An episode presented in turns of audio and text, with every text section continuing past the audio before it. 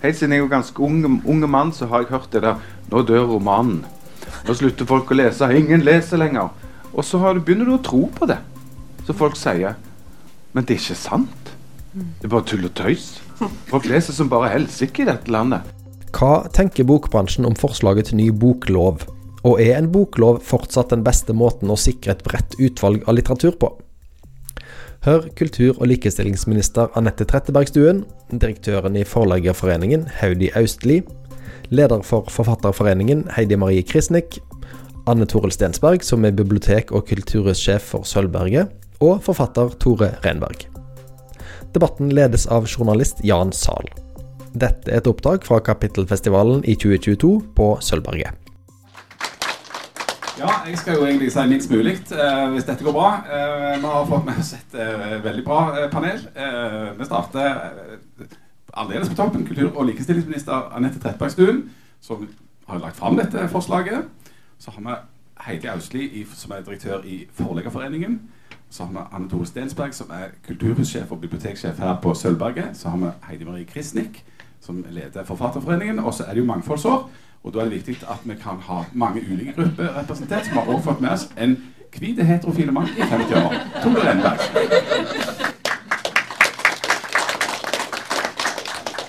Um, vi, skal, vi må gjøre det litt sånn pedagogisk, for det er jo vi må innrømme det, litt nerdete og litt sånn faglig, dette her. Men bare for å starte litt med håndsopprekning, som på en god første skoledag. Hvor mange av dere som sitter i rommet, jobber ikke i bokbransjen på en eller annen måte? OK, ca. tre for de som hører på dette. For jeg er litt sånn, det kommer til å, Vi risikerer at det kommer til å bli tidvis noe teknisk her. Men da vil de fleste av dere forstå hva det betyr hvis noen begynner å snakke om vertikal integrasjon og sånne ting eh, som det. Men eh, de, dere tre, eh, hvis dere ikke forstår noe, så bare dunk i sidepersonen og få dem til å forklare vertikal integrasjon og eh, ja, forlagssentralen og sånne ting som dette her. Jeg tenkte, altså Har da panelet òg fått litt lekser? Jeg vet ikke om du er klar over hvilke lekser du har fått, uh, Trettebergstuen, men uh, de andre vet at du skal fortelle hvorfor du mener vi trenger en boklov, og hva som er hovedpunktet i denne bokloven. Og så er det sånn at uh, denne, dette forslaget det ligger ute til høring. Uh, høringsfristen er 18.11., men vi skal få sånn korthøring her. på direkten, faktisk. Så de andre skal ha fått forberede litt. Men først og fremst Anette Trettebergstuen. Hvorfor skal vi ha en boklov, og hva er det forslaget deres sånn, i grove trekk går ut på? Til dere tre her som ikke jobber i bokbransjen, har snakket til dere. Hvorfor er det sånn at vi har lagt fram en boklov? Det høres jo utrolig dølt og kjedelig ut med en boklov med masse, masse, masse paragrafer om regulering av bokbransjen og fastprissystem og mulig avansetak og rabatter og hva er det dette egentlig handler om? Bortsett fra ganske kompliserte ting. Jo, det handler rett og slett om ytringsfriheten vår. Det handler om demokratiet vårt. Og det høres jo plutselig mye mer interessant ut. Gjør det ikke det? Jo, det gjør det.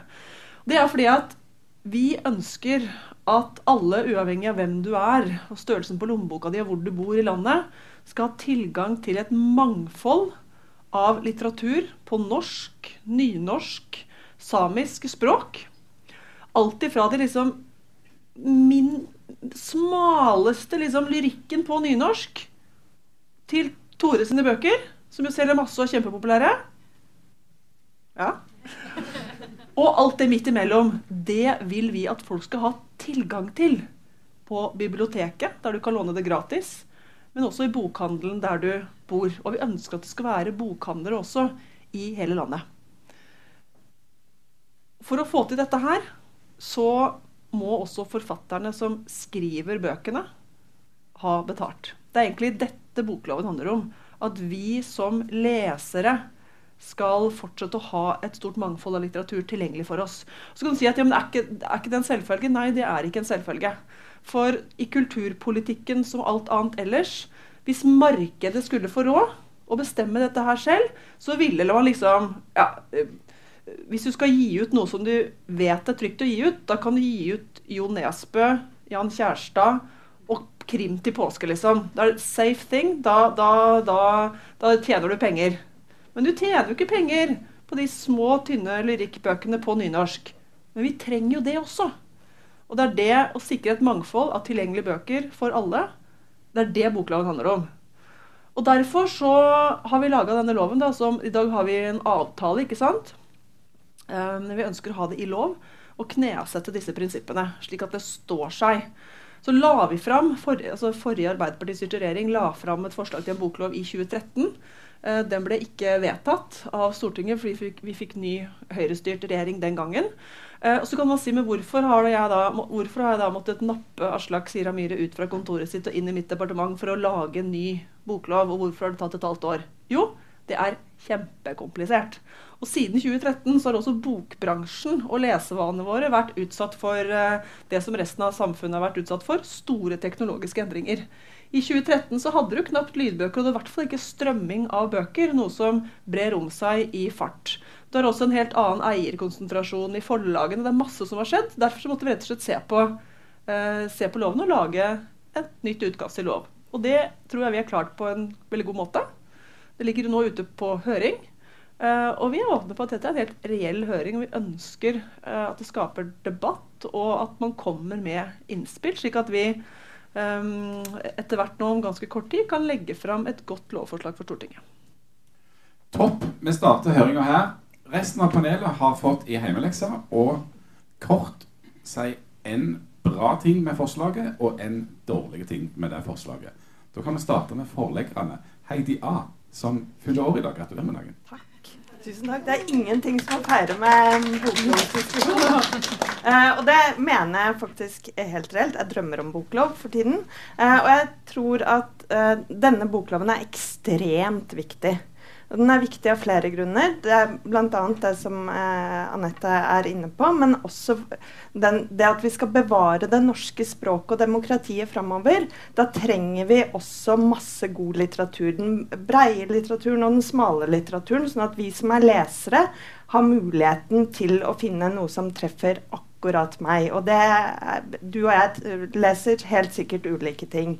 Så derfor så er denne loven veldig viktig.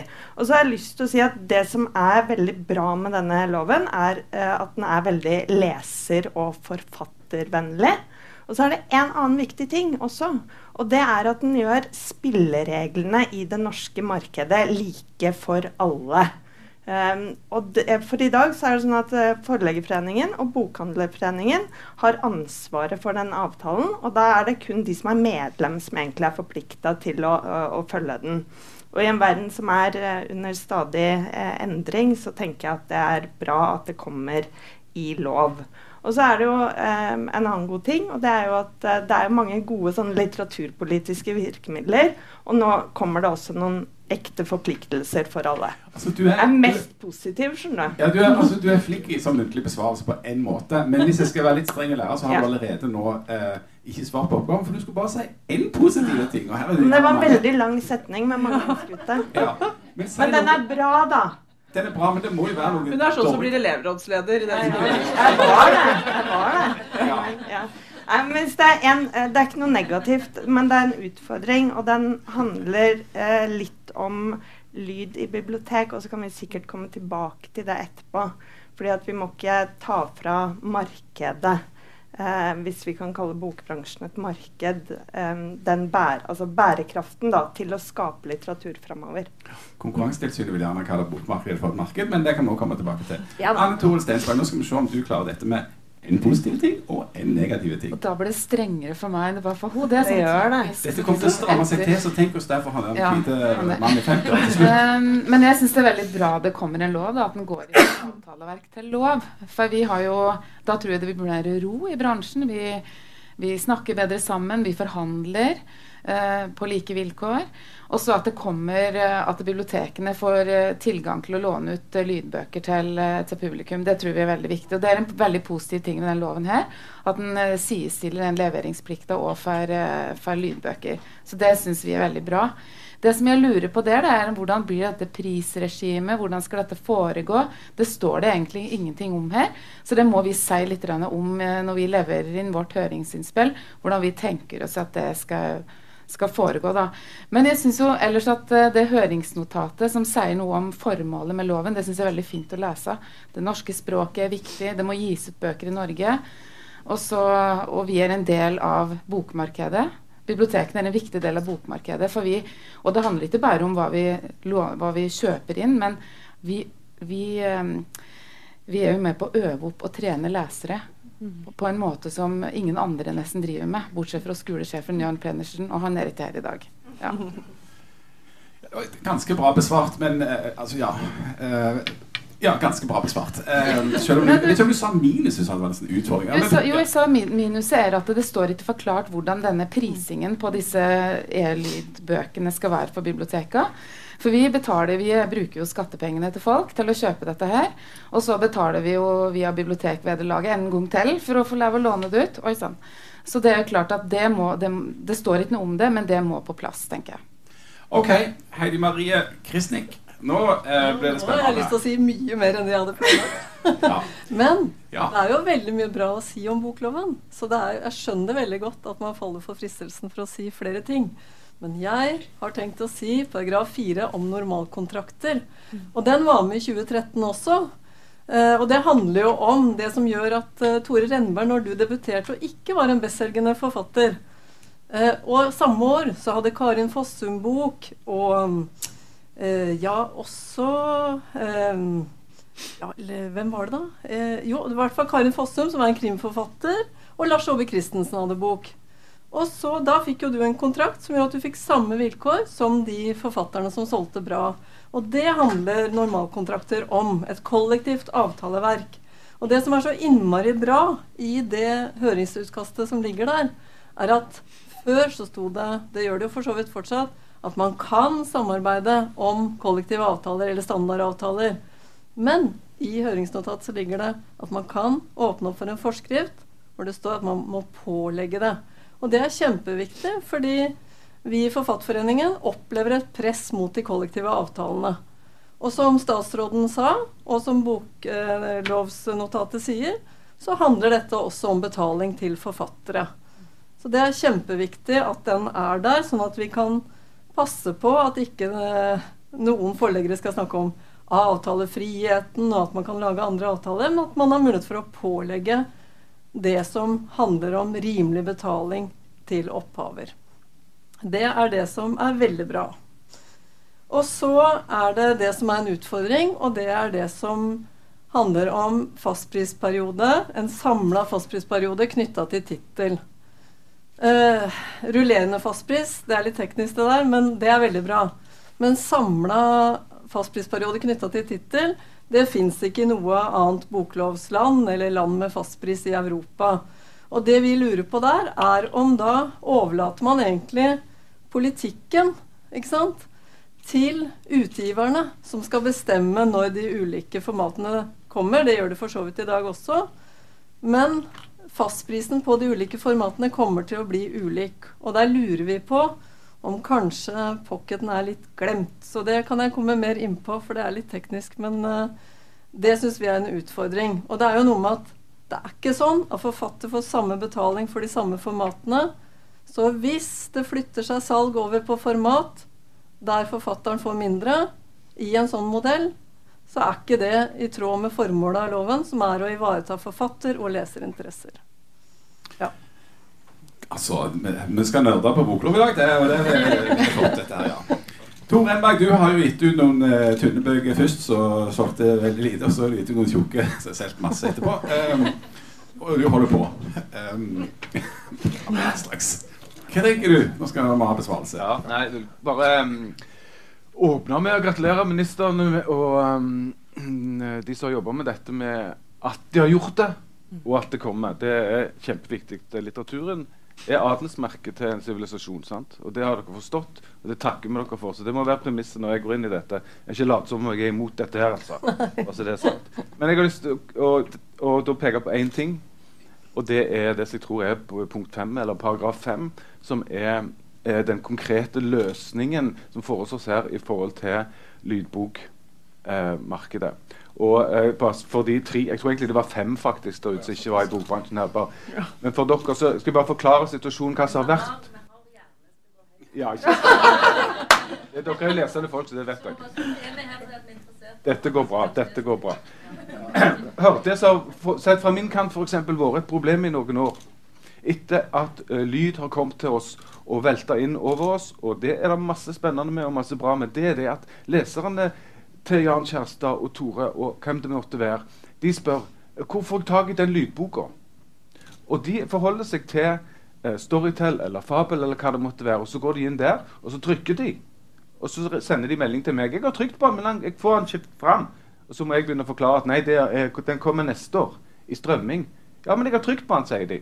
Masse sånn kaos. Det som skjer nå i bokloven, det er at nå blir, hvis vi får dette gjennom, eh, strømmetjenestene pålagt å skaffe lydboka, og så blir de òg pålagt å være butikk, for å snakke veldig enkelt. Nå kan de selge fra dag én den tittelen. Og dette har vært uhyre, uhyre komplisert fram til nå, og det har på en måte ødelagt for flyten når forfatteren gir ut boka, i at den kan bli hørt for de som liker å høre ei bok. Med en gang nå så bare trykker du på den, så slipper de å ringe til meg eller få tak i meg på Messenger og spørre. 'Jeg får ikke til, jeg driter og trykker.'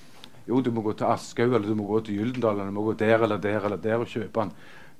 Nå, det er, det er reelt, dette er egentlig det som er helt reelt nytt i bokloven. Veldig mye av det som er i denne bokloven, det er, det er fastspikring av allerede fantastisk gode uh, uh, tradisjoner i norsk bokheim, som er grunnen til at f.eks. jeg kan stå her i dag. Det kan gi eksempler på senere. Så det vil jeg løfte fram som den reelt nye og glimrende Jeg tror det er et godt forslag, rett og slett.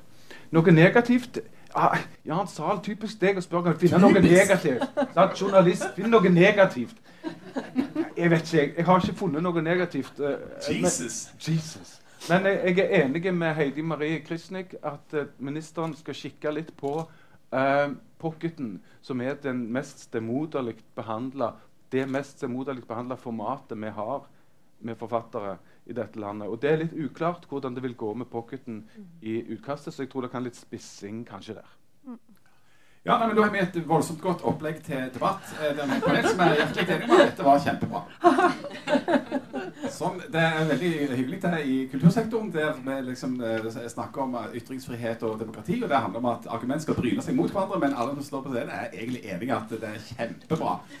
Men det handler jo kanskje litt om at det er bransjen som da står her. Men da skal vi mest litt sure folk fra pressen, da vi må, ha litt sånn malurt og, og, bare starte en sånn ende her. Eh, det Norske Akademi sin ordbokdefinisjon av kartellvirksomhet det er at flere store markedsaktører går sammen om å regulere markedet i en bestemt bransje.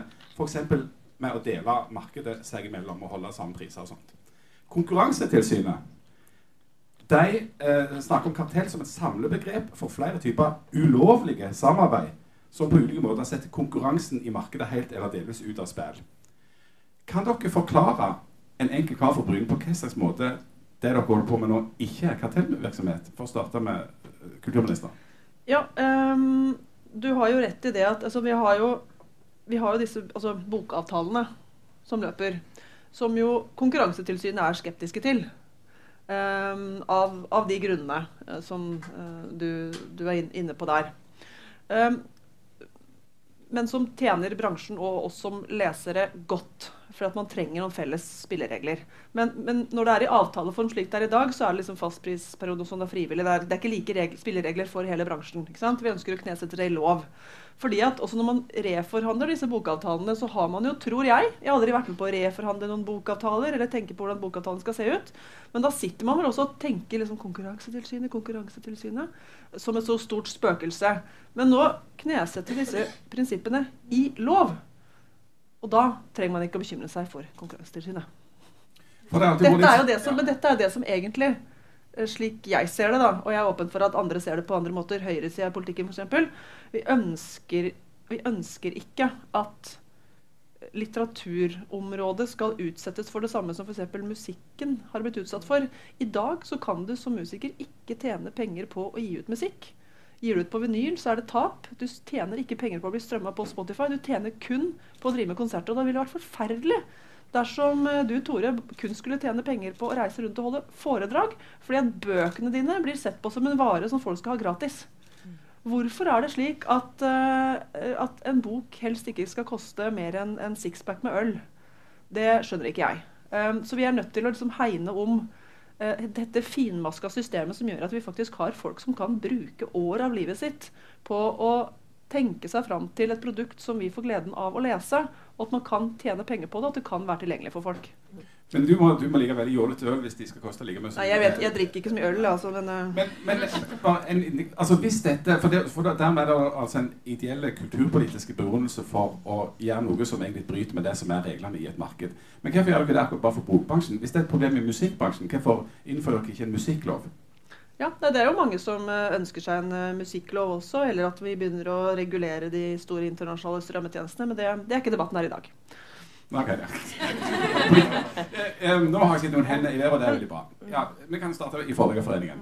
Men så må vi også huske eh, hva fastprisen bidrar til. Og det er jo at boka koster det samme i Oslo som på Røros og i Karasjok.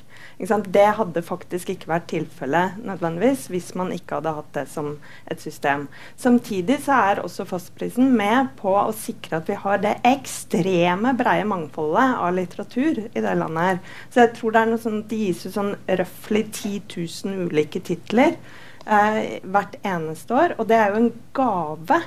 Og det er nettopp bl.a. fastprissystemet som bidrar til det mangfoldet. Men dere som forleggere opererer jo i et marked. Dere tenker jo profitt, og dere skal ha avkastning. dere, altså, Det er jo deres interesse at dere kan prise det høyt, og at alle må ta den prisen. Over. Kan jeg fortelle at bøker i Norge er latterlig billig. Altså sånn Prisveksten på bøker har steget 10% de siste ti årene.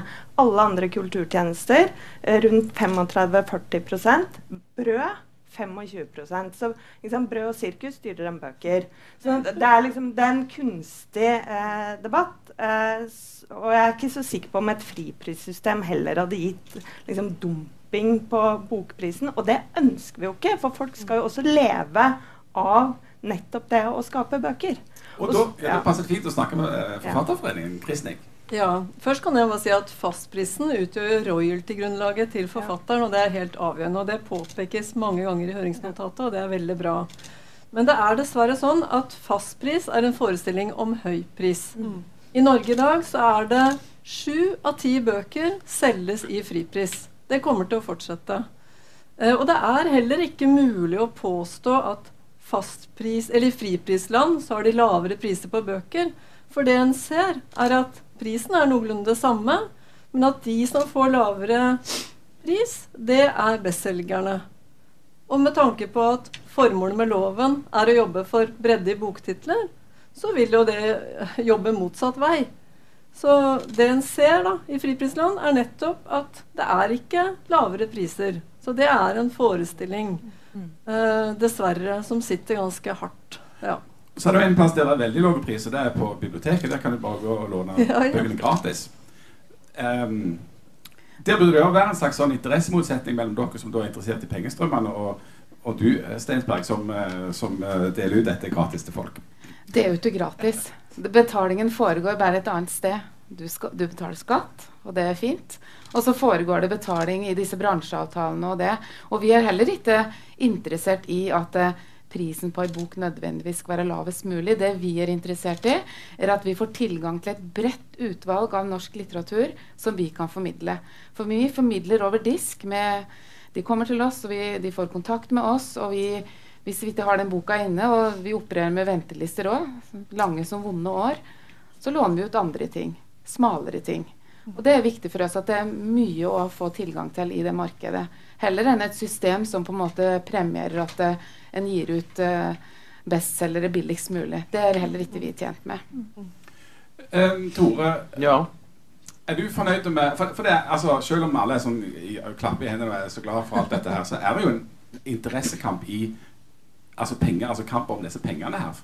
Eh, forleggerne vil ha eh, penger. Eh, forlager, nei, nei, Bokhandlerkjedene, som er eikt av forlager, vil ha penger.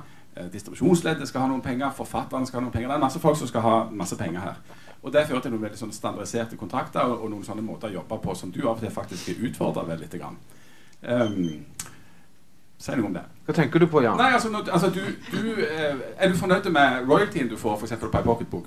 Pocketboka er, som jeg sa tidligere, et uh, kjempeproblem i Norge. Vi skal ta det helt helt kort. Så, så vidt jeg har skjønt riktig, så ble pocketkontrakten som vi forfattere skriver under på, den normalkontrakten som du må skrive under på, den ble framforhandla i en tid hvor pocketen ikke var en stor maktfaktor i feltet. Nå, sitere, nå siterer jeg min gode kollega Ingvar Ambjørnsen, som pleier å snakke om, veldig ofte om dette. For han var med i den tiden da han ble en stor pocketselger og så at dette tjener jeg ikke penger på. 10 for å gjøre det enkelt. eller noe sånt. Jo, jo. Og Den ble framforhandla da. Så ble pocketen en maktfaktor i feltet. Og forleggerne kunne kose seg med det, for de så at det, den, hadde, den, den er 10% Jeg får 10% cirka, cirka når jeg gir ut ei pocketbok som du kjøper, og så får jeg eh, 16, et eller annet. Ja, på innbunden. Da får du 20, 20 ja. ja. Og så tenker du som forfatter sjøl Hei, det er samme boka. Hallais. Hva er på gang her, egentlig? Hvem tar de Og den er billigere å trykke nå, for de har jo arbeidet er jo gjort. Hva, hva er greia? Så dette er en veldig irriterende ting for oss. Spesielt hvis du da en gang i karrieren skulle oppleve det fantastiske at 70 000 stykker kjøper pocketboka di. Ungdommer. Du har bidratt til at unge folk leser masse. Og så kjenner du veldig lite da. Så den, eh, den uh, sliter jeg jo fortsatt Det er en vond Den er liksom ugrei å begripe. Føles veldig urettferdig. Ellers er svaret ja. Eh, ellers svarer ja, Jan Zahl. Jeg syns disse andre royaltiene eh, på, på, på, på trykte bok er, er, er greie royaltyen på lydbok er òg problematisk, sånn som pocketen er. Men jeg har liksom aldri møter av og til unge folk som sier sånn Hei, hvorfor gjør du ikke bare ut boka sjøl og tar hele sånn? Og så prøver jeg å fortelle dem om alle de fantastiske folka som jobber i bokbransjen, og hvorfor dette fungerer. Det har jeg vært med på i snart 30 år, og det er helt fantastisk. Men pocket og lydbok royalty mm, ikke greit. Ja, Journalistavtale går ikke alltid i hop, men, men hvis, du hadde ut, hvis du hadde fått solgt 70 000 eksemplar av en bok som koster 400 kroner, og du som forfatter får 20% av 400, versus å selge 70 000 pocketer som koster 100 kroner, du får 10 Ikke fullt så enkelt. Så tjener du mindre. Ja, ja. Nei, først så går det jo 15% heftefradrag, og så er det liksom Å, da blir det mindre og mindre. Men uh, ja, si du tjener sånn 60 kroner, da, 60-70 kroner for den innbundne boka, og så får du en tier, uh, eller 14 kroner kanskje, for pocketen, da. Og Det skulle du trodd var etter at forleggerne hadde fått betalt for arbeidet sitt allerede. Men jeg tror det er viktig også å korrigere noe på. Altså, eh, de færreste blir rike og feite av å drive forlagsvirksomhet i Norge. Eh, vi er veldig for ordna forhold og normalkontrakter, bare sånn at det er eh, sagt. Men de fleste titlene de blir eh, heller ikke store bestselgere. Altså det, det, er ganske skal, det skal selges ganske mange titler, da. Jævla mange, faktisk. Ja, før, jo, men før inntjeninga blir god både for forfattere og forlag. Så det er, en, det, er jo på en måte en produksjonslinje her også. Eh, men eh, jeg har ikke lyst til Vi skal liksom kanskje ikke lage sånn kontraktsdebatt her. Eh, jeg er for at folk skal tjene penger på bøkene sine, bare sånn at det er sagt. Men, men det er liksom ikke sånn at alle forleggere eh, tjener enorme penger på alle de utgivelsene som er. Da. Man er jo også en del av et ganske stort samfunnsoppdrag med nettopp å sikre all den bredden og det mangfoldet, og også de nye stemmene. Replikk det fiss av det her? Jeg tror at det, det, det innspill jeg bare har lyst til å si kort her, at ja. det som bokloven her kan, kan, gjøre for å avhjelpe denne situasjonen, det er å beskytte alle formatene. Nå er det, det skjevhet mellom formatene. Det er vel det jeg driver prøver å arrestere når jeg fikk dette presise spørsmålet fra Jan Sahl. At bokloven kan være med å si ok, men det er litteratur uansett. Mm. Du som arbeider med dette, og du, du som leser, skal få denne litteraturen, og du som arbeider med dette, skal betalt uansett om det er skrevet uansett om det utgis på toalettpapir eller i, i, i, Ja, hva det nå er. Ja, da må jeg også få noen prikker til det. Fordi det er jo nettopp derfor jeg er skeptisk til den modellen som er knytta til tittel. For da overlates jo litteraturpolitikken til utgiverne, og ikke prinsippene som departementet skal slå fast. Og det er jo selvfølgelig sånn i dag òg at forleggerne gir ut uh, bøker når det passer med pocket og alt det der. Men det er et eller annet med den der eh, modellen som ikke helt uh, klinger godt, da. Men du, det har jo kommet uh, ut, utfordra blant forfatterne som, er, som, ikke er fornøyd med den royaltyen de har fått, og som har måttet forhandle seg fram til andre og bedre avtaler i forlag som blir utfordret en del av det som har vært freden og harmonien i, i, i bokbransjen. Uh, vi kan få både forfatterne og forleggerne til å si to ord om det. Altså, ja. Ja, jeg kan godt si noe om det. Ja. Fordi jeg mener jo at har du et kollektivt avtaleverk, så har du et kollektivt avtaleverk. Og da lager du raknetråder i det kollektive avtaleverket. Hvis OK, du har bedre forhandlingsmakt. Mm. Du har mye bedre forhandlingsmakt enn meg, som ikke har gitt ut bøker på ti år. ikke sant? Og liksom hei, hei. Og det er ikke bra. Da har vi ikke et ordentlig avtaleverk. Så det må være kollektive avtaler. Man må ikke liksom det er jo å liksom spenne beina under det kollektive avtaleverket hvis man skal lage private, individuelle avtaler.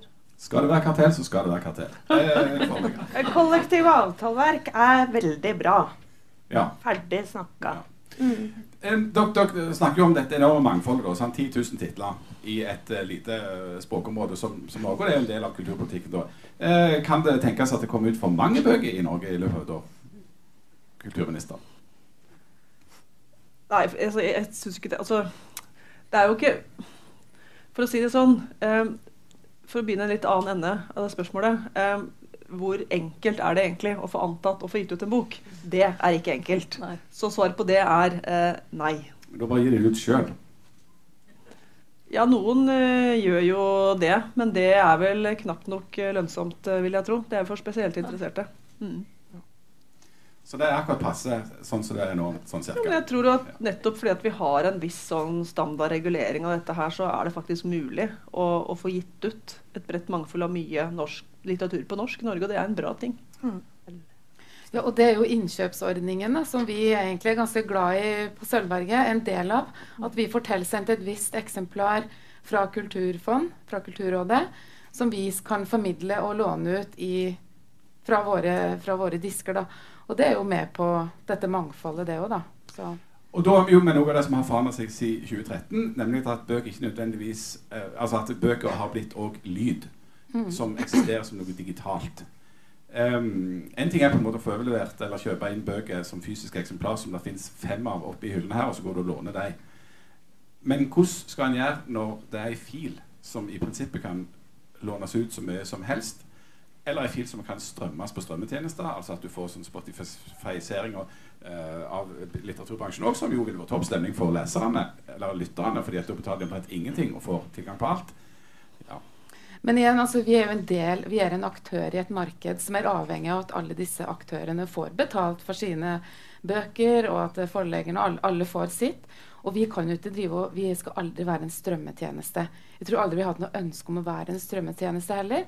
Vi ønsker å betale stykkevis og delt for det vi, det vi skal bruke. Og så opererer vi med ventelister. Ganske lange ventelister. Og det er liksom en del av kontrakten, tror jeg. Skal du ha en ny bok? Venteliste. Jeg, stått, eh, jeg står lenge på venteliste sjøl, og jeg tror veldig mange lånere er vant til det. Og slik vil òg være på, på, lydbøker. At du, vi har noen få vi låner ut, og så må du vente på de.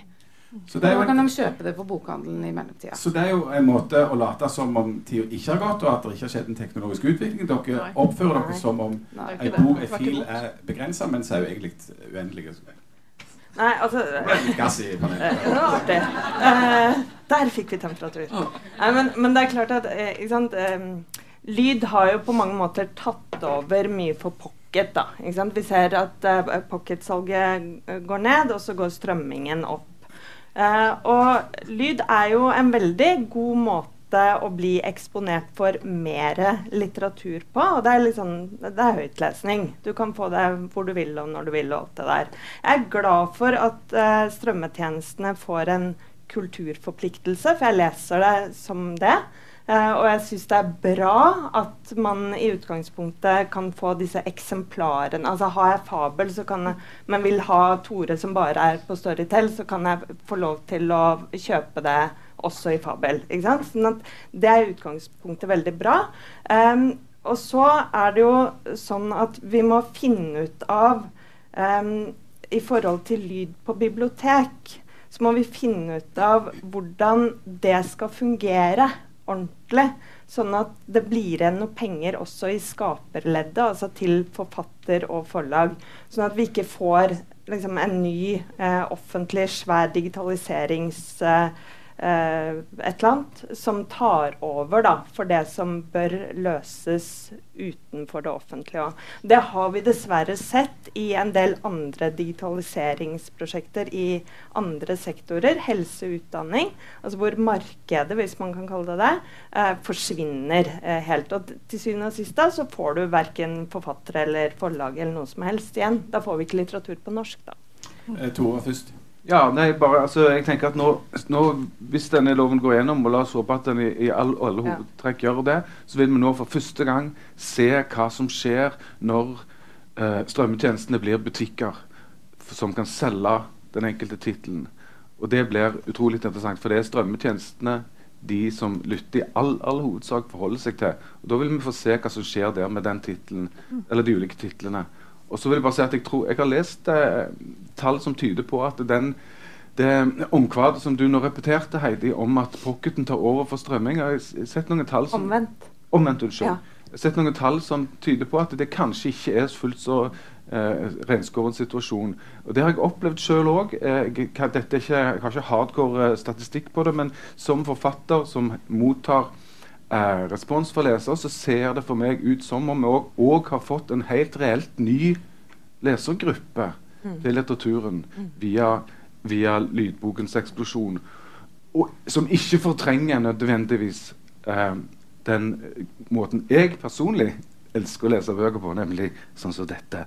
Så det er interessant. Mm. Det er enormt interessant. Og hvis, vi, hvis loven er med å tilrettelegge da og Nå snakker jeg ikke bare om dyslektikere og folk som har hatt helt sånn reelt sånn konkrete, klare grunner til å holde seg unna papirboka, men rett og slett kanskje dette til, tilfører eh, eh, eh, en større mengde lesere, eller lyttere, da, til litteraturen generelt. Og det er spennende, syns jeg òg, i et sånt demokratiseringsleseprosjekt. Ja, og så tror jeg det er viktig at vi ikke eh, sammenligner det å lytte og det å lese. Altså det er to forskjellige ting. Um, gjennom lytting så blir du lest høyt for, men det å faktisk verdien av en fysisk bok, da, som gir deg også noen andre kompetanser. Som handler om fantasi, empati, altså veldig mye, i tillegg til de faktiske litterære opplevelsene du får. da.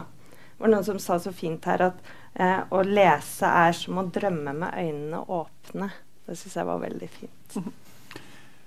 Du som representerer forleggerne, representerer både store og små forlag, selv om det nesten ikke fins noen små forlag igjen. Ja, Det er ikke sant. Da fins det masse for, små forlag igjen. Eh, er, det, er det en interessekonflikt mellom de store og de små? De store som eier i tillegg eh, altså bokhandlerkjedene og liksom den vertikale, vertikale, integrasjonen. I forhold til bokloven, tenker du? Ja, men altså, ja, for det, altså, Hvis små forlag mener at noe av problemet er at de ikke kommer seg inn i bokhandlene, og at bokhandlene krever noen rabatter og noen nei, altså returavtaler som gjør at, at uh, små forlag med disse, disse, denne bredden av bøker som dere priser, omtrent ikke har sjans. Eh, ja, selvfølgelig er det interessekonflikter. Altså det, og det har vi vært åpne om også. Og akkurat det handler om eh, det punktet som er innkjøpsdebatt Nei, rabatten, mener jeg. Altså avanseregulering, da, som det heter på stammespråket, til, til bokhandel. Eh, og der har jo eh, vi hatt masse diskusjoner. Eh, vi har to ulike syn. Eh, Som et venstremenneske? ja, ja. Er det ikke deilig? Jo. Eh, men vi har valgt å være åpne på det, da. At vi har to ulike syn. Og det ene er den eh, gruppa som ønsker et såkalt tak på rabatten Uh, og vi har sett at det har vært en, en glidning. Altså eh, rabattene, innkjøpsrabattene til bokhandel øker.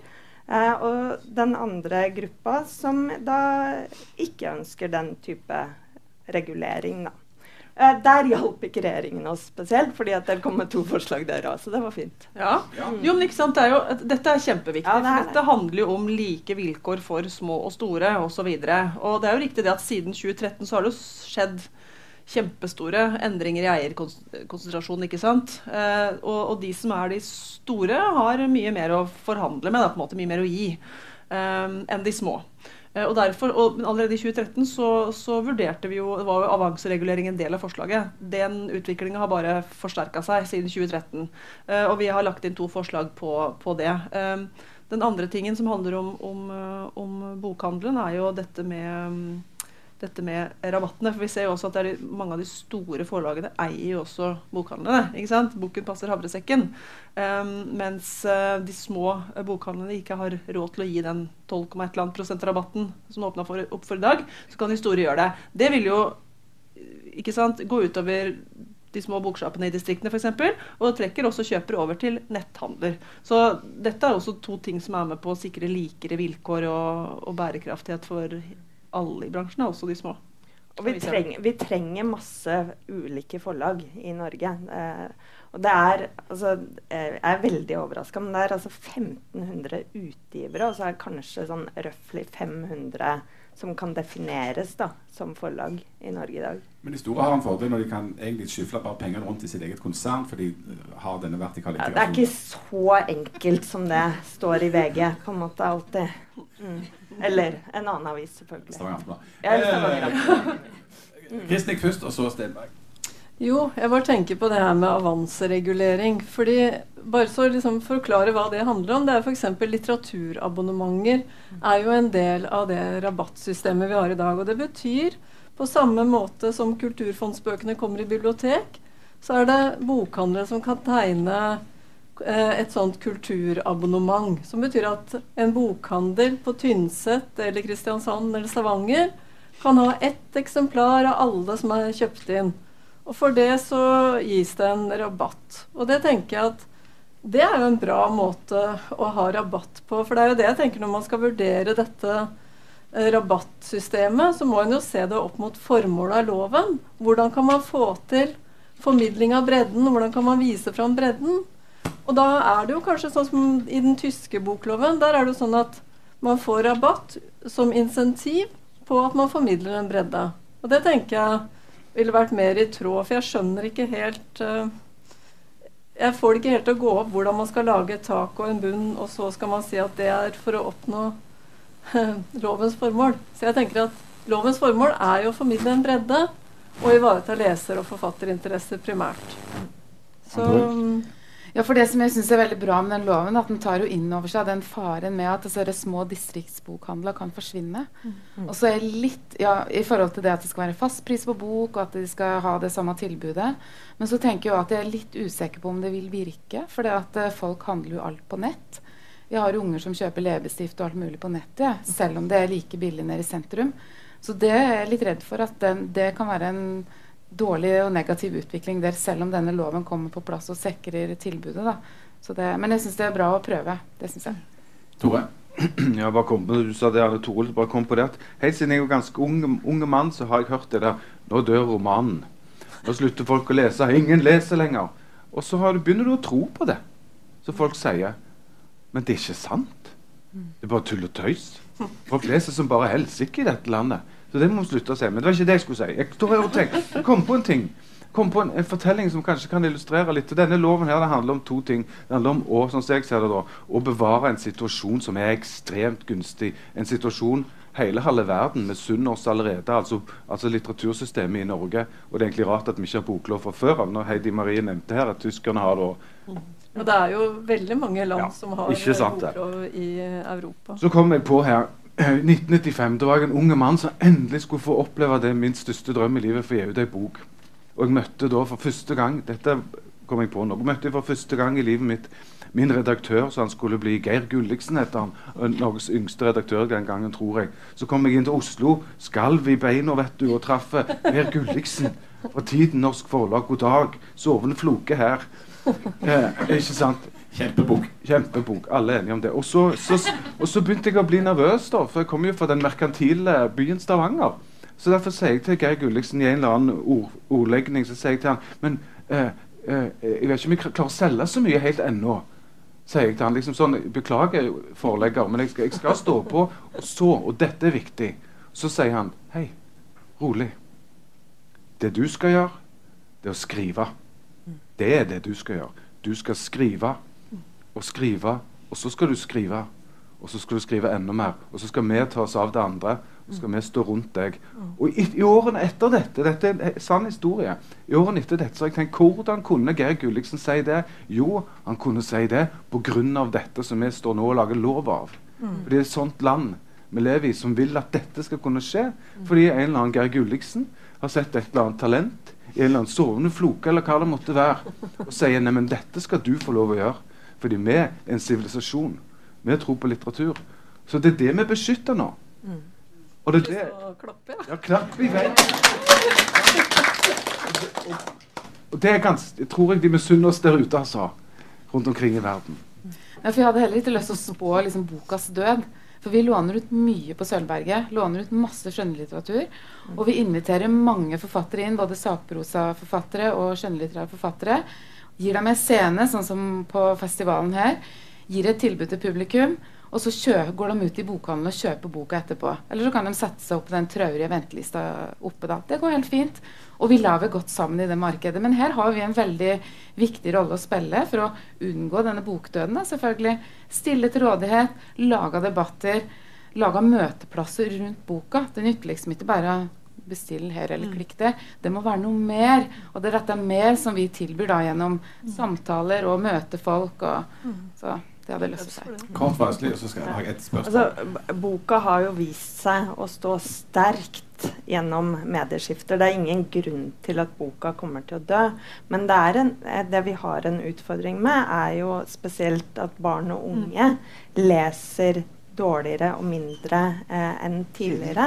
Kjedelig det heller, jeg. Kjenner det heller. Ja, men det er en del, er en del uh, tegn i tiden da, på det. Men det, vi er fremdeles et veldig lesende land. Og jeg tror boka kommer til å stå seg. Og jeg mener at bibliotekene er en enormt viktig arena for å bli eksponert for litteratur. Det er veldig mange som ikke har bokhyller hjemme lenger. ikke sant? Eh, og som et viktig lokalhus. Og bokhandlene i hele landet, både de store og de små enormt viktige. Og så vil handelsmønstrene våre er jo i en form for endring. Det er de jo òg.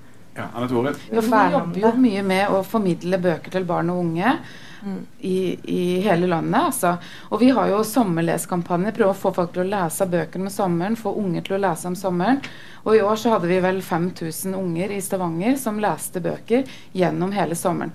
Klart at det er med på både å mm. skape bokkjøpere, men også skape lesere. Mm. Som er viktig for demokratiet igjen. Altså Alt henger jo sammen med alt, tenker jeg. Ja, Nå ble det jo så god stemning. Jeg har aldri opplevd før at et panel har stått og klappet i hendene i en slags enighet og glede. Så det, that's a first. Dere var her. Eh, eh, det finnes heldigvis flere sure og kritiske eh, journalister enn meg. Eh, Frank Rossavik i Aftenposten kommenterte forslaget til boklov med overskrifta 'De som kjøper bøker, kommer sist i køen'. En bransjeavtale skal sementeres i lovs form. Tjener det andre enn bransjen sjøl? Altså kan forklaringa på applausen for dere sjøl være at dette er noe som tjener dere, mens leserne tjener ikke på det. Um, nå, vi, nå, har vi tre minutter på å svare på det spørsmålet. Krisnik først. Nei, selvfølgelig. Dette gir jo et breddetilbud mm. til leserne. Det er jo det som er øverst i formålet. Ikke sant? Øverst i formålet så er det snakk om å ha i et lite språkområde, som statsråden sa i talen sin nå nettopp, uh, i forrige post, sa hun nettopp det, at vi er et lite språkområde. Vi må legge til rette for en bredde. Så det tjener leserne. De får et mangfold. Og bøkene blir ikke dyrere. Og så skriver at ja, leserne eh, de får beskjed om at når de syns det er dyrt med å betale 400 kroner for en bok, så er det ikke dyrt. For det har bransjen sagt. Men, men, det er jo masse bøker i fripris. Ja, ja, men det er jo denne 12,5 prosenten han eh, også sikter til. At den fjernes. Men det er jo en, strengt tatt en kunstig mm. eh, rabatt. Mm på bøker som er i en fastprisperiode. Så kan jeg stå ikke for alle i en bokhandel, og så kan jeg liksom klikke og hente, og så kan jeg gå i kassa og hente den etterpå. Eh, I stedet for at jeg ikke hadde den appen og gikk bare direkte til kassa. Altså den, den, er litt sånn konstruert, og jeg tror den er viktig for de små bokhandlene, ikke minst. Ja. Nei, jeg må bare si meg eh, enig. Altså det er jo nettopp for leserne og nettopp for folk vi gjør dette her. For det leserne først og fremst vil ha og trenger, er jo et bredde og et mangfold av litteratur. Og vi som, vi som står i panelet her, er sikre på at vi leser helt ulike bøker, leser helt ulike ting. Eh, og det er fantastisk. Sånn skal det være, men må være tilgjengelig på norsk. Så er det jo slik at eh, fastprisperioden eh, den hører vi nå om skal vare i 12 eller 18 måneder. Etter det så blir jo bøkene veldig billige. Uh, og i fastprisperioden kan du også låne boka på biblioteket. Så det å fokusere på at det ikke er leseren som står i sentrum, det er skivebom. Uh, for det er nettopp for folk og lesere vi gjør dette her, altså. Mm. Og så må vi anerkjenne at altså, ja, ja. hvis vi skal lage bøker, så koster det jo altså, Men hør nå her, altså. Jeg, vet du hva, En ost Jan Sahl, altså. Hør nå. En ost koster 119 kroner nå, Jan Sahl. En bok koster 398. Så hvis du kommer og forteller meg at du syns noe så flott som en bok til 398 kroner Det er dyrt, ja, da kan du ja. Hvis du låner for lenge, så må du betale gebyr til meg. Da, da koster det nesten mer enn boka. Men det jeg skulle si, var at jeg vet ikke om en fri pris eller et fritt marked passer på dette her når, vi, når du har noen sånne overordna kulturpolitiske mål. Og det er jo bare å se på nettopp osten og melka. Det koster jo det samme på Rema 1000 eller på Priksen på Storøy, den melka. Det er to ulike leverandører, nesten samme prisen. Så jeg har ikke trua på at uh, å slippe dette fritt vil, vil bety så mye la, lavere pris heller. Kanskje på, kanskje på Jo Nesbø, men det er ikke vi så. Jeg var ikke så god på det med øl, da, men si at, hvorfor skal en bok koste mindre enn to flasker vin på polet, liksom? Det er noen som har brukt år på å tenke og skrive og lage dette produktet. Det er et åndsverk. Ja. Og så kan jeg fortsatt, som Heidi Marie Kristnikstad her, jeg kan fortsatt, som jeg gjorde i sommer. Jeg, ble, jeg gjenoppdaget José Saramago i sommer. Jeg sa, Hæ? Fantastisk bra forfatter. Så tenkte jeg ah, fins det noe tilgjengelig. Men det er en stund siden det ble gitt ut. Men så går jeg inn på ark, og der ser du at en eller annen bokhandler eh, oppe i nord har et eksemplar av 'Elefantens reise'. ja. Den får jeg da hos Ark til 99 kroner på salg. Så det. Hallo. Ja. Da er eh, tida vår ute. Da skal det bli spennende å se. Eh, statsråden har jo lovt å virkelig lytte til høringsinnspillene. Om hun lytter mest til Konkurransetilsynet eller fra bokbransjen. Eh, den som lever, får se på det. Men takk for oppmøtet, og lykke til med nå det flyet. Heidi A. Og fortsatt gratulerer med dagen. Takk for at dere kom.